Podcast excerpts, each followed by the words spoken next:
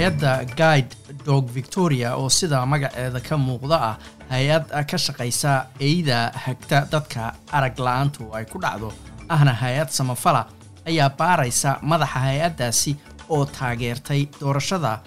qasnaji george fridenberg iyo queensland oo ka fiirsanaysa markaasi inay ku dayato gobollada victoria iyo new south wales oo iyagu qafiifiyey xanibaadihii covid-19-ka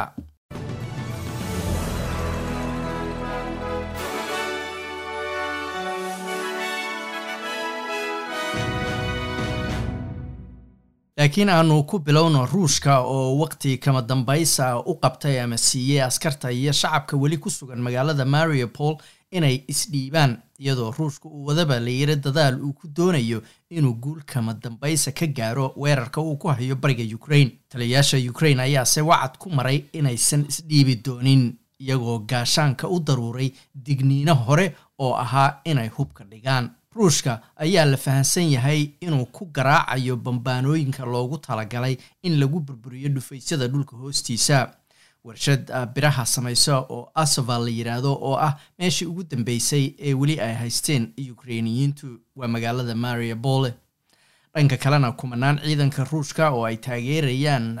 ciidamada madaafiicda iyo gantaalaha ku hubaysan ayaa ku soo wajahan maanta oo bishu tahay labaatanka abriil bariga ukraine iyadoo ukraine ay diyaarinta ciidankaasi ku tilmaantay bilowgii dagaalka dombas booliska sri lanka ayaa dilay hal qof tiro kalena dhaawacay kadib markii ay rasaas nool nool ku fureen dad dibadbaxayay afhayeen u hadlay booliska sri lanka naliil talduwa ayaa sheegay in rabshaduhu ay bilowdeen kadib markii boolisku ay ka codsadeen dibadbaxayaashu inay ka tagaan tareen station mashquula oo caanka magaalada oo ay saacado dadkaasi xireen. Talduwa ayaa sheegay in boolisku ay xabadeeyeen dibadbaxayaasha si loo xakameeyo xaaladda.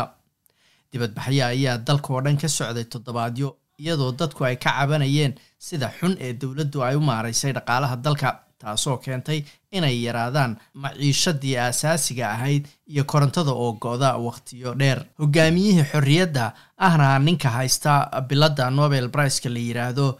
jose ramos hota ayaa aada ugu horreeya baa la yidhi wareegga labaad ahna wareegga ugu dambeeya doorashooyinka madaxweyne ee dalka east timor. Codbixiyaasha timor ayaa goobaha codadka u dareeray dalkan oo ah dal aada u yar oo shacabka degani ay gaarayaan oo keliya hal dhibic saddex milyan oo qof ayaa doorashadu ka bilaabatay shalay oo talaado ahayd iyagoo kala dooranaya ramos horta iyo madaxweyne francisco luola guteres oo hore u ahaa jabhad. Tirkoob ka soo baxay hay'adda doorashooyinka dalkaasi oo s t a e loo soo gaabiyo ayaa muujinaysa in markii ku dhowaad kala bar codadka la tiriyey ramos horta uu ku hogaaminayo konton iyo sagaal boqolkiiba codadka halka lula olla uu haysto afartan iyo kow boqolkiiba. Michael leach oo ah nin falanqeeya siyaasadda kana tirsan jaamacadda swinburne ayaa sheegay in raggan yihiin kuwo aad looga ixtiraamo dalka east timor There's a lot of respect for the older politicians. There's a lot of respect for the resistance generation and the veterans. ixtiraam badan ayaa loo hayaa siyaasiyiintan waaweyn ixtiraam badan ayaa loo hayaa jiilka xorriyadda u soo dagaalamay laakiin dadku su'aasha ay isweydiinayaan waxay tahay waqti intee leeg ayay jiilkani siyaasadda east timor saameynta ugu weyn ku sii yeelanayaan ramos horta oo ah toddobaatan iyo laba jir ayaa ah nin siyaasiya oo caan ka ah dalkaasi wuxuuna hore u soo noqday ra'iisul wasaare kadibna waxa uu noqday madaxweynihii labaad dalkaasi intii u dhexaysay labadii kun iyo toddobadii ilaa labadii kun iyo labiyo tobankii. Waxa uu sidoo kale qof kale la qaatay nobel briceka kun iyo sagaal boqol iyo sagaashan iyo lixdii isagoo lagu abaalmariyey dadaaladiisii xalka nabadeed looga gaaray dagaalkii east timor ka dhacday iyadoo dalkaasi mar hore si arxandaraa ay u gumaysan jireen ayaa la yidhi ama uu u gumaysan jiray dalka indonesia. Doorashada australia haddaan ku soo noqonana premierka gobolka new south wales dominic perote ayaa sheegay inuusan ka shalaayayn inuu fariimo dhanka telefoonka ama s m s u diray ra'iisul wasaare scott morrison isaga oo kaga codsaday in haweenka transgenderka ah oo ah niman markoodii hore niman ahaa kadibse qaliin kadib haween iska dhigay laga reebo sboortiga haweenka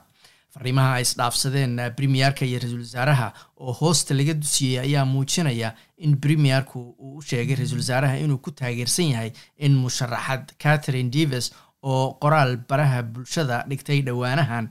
meesheeda loo daayo oo aan shaqada musharaxnimada markaasi laga eriyin. Premierka ayaa sheegay inuusan fikraddiisa bedeli doonin inkastoo premierka ay wejigabax ku noqotay inuu khilaafo khasnajigiisa matt kian oo isagu dhowaan ku baaqay in miss devers laga xayuubiyo musharaxnimada kursiga ku yaalla waqooyiga magaalada sydney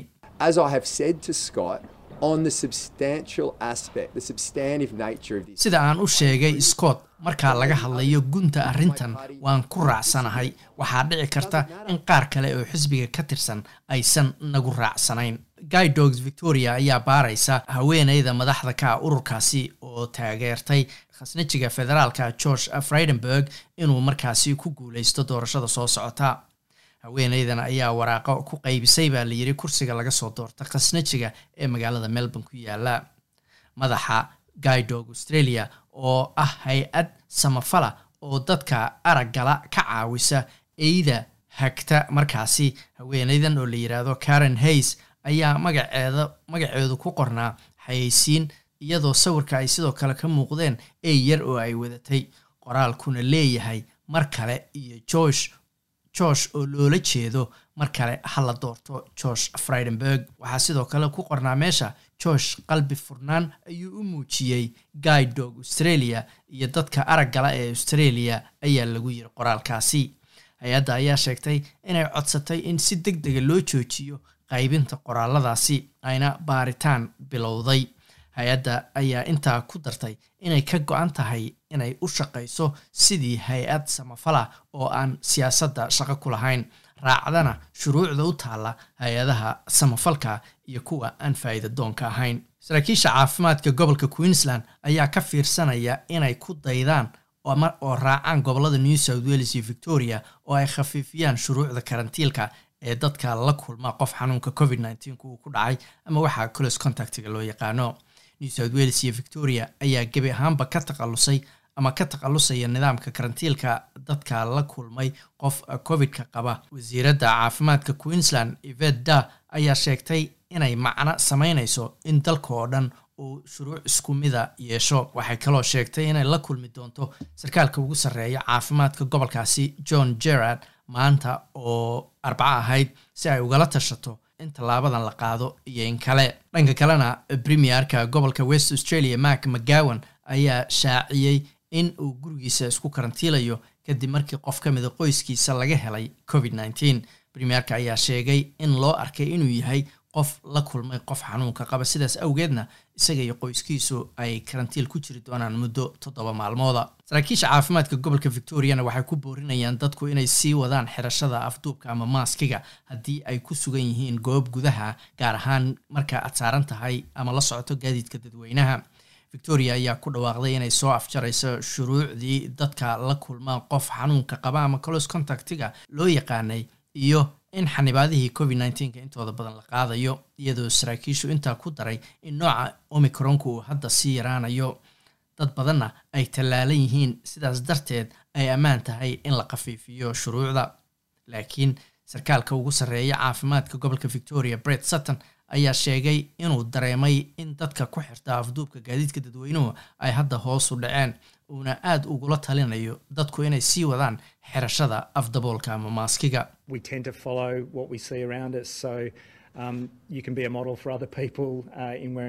Waxaan inta badan caadiyan dadku ay ku daydaan hadba waxa ay arkaan. Qofku adigu noqon karaa qofka lagu daydo haddii aad xirato afdaboolka ama maaska ayuu yidhi waana wax macquula laakiin weli ma dhammaan xanuunka marka xirashada afdaboolku weli muhiim ayuu u yahay ayuu yidhi xakamaynta cudurka. Wasiiraddii hore ee arrimaha dibadda dalkan australia julia bishop ayaa sheegtay inay ahayd in senatarad marisa paine ay diyaaradda ugu horeysa qaadato oo tagto solomon island si ay u ogaato faahfaahinta heshiiska amni oo dhex maray solomon island iyo china.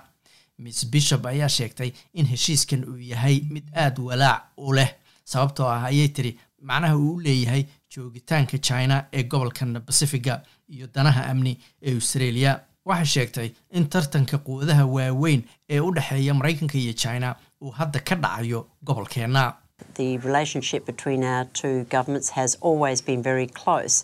Xiriirka u dhexeeya labadeenna dowladood waa australia solomon island. wuxuu ahaa mid aad u dhow. solomon island waxay ahayd saaxiib weyn oo maraykanku leeyahay.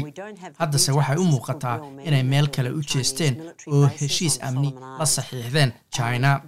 inkastoo aynaan faahfaahinta heshiiskan weli ogeyn waxaa dhici karta in macnaheedu yahay in china ay saldhig milatari ku yeelato solomon island taasina runtii waxay beddelaysaa gebi ahaanba daruufaha iyo xaaladda gobolkeenna oo dhan ayay tiri miss bishop. Ra'iisul wasaaradda dalka new zealand jacinda orden ayaa sidoo kale walaac ka muujisay heshiiskan iyadoo ku boorisay solomon island inay ka noqoto heshiiskan amni ee ay saxiixday. Saadaasha hawada berita oo khamiisa magaalada melbourne waa xoogaa roobaba iyo toddobiyo toban digrii magaalada sydneyna sidoo kale roobab iyo labayo labaatan digrii ayaa la filayaa. Halkii australian dollara maanta waxaa lagu sarifayay toddobaatan iyo saddex senti oo lacagta maraykanka ah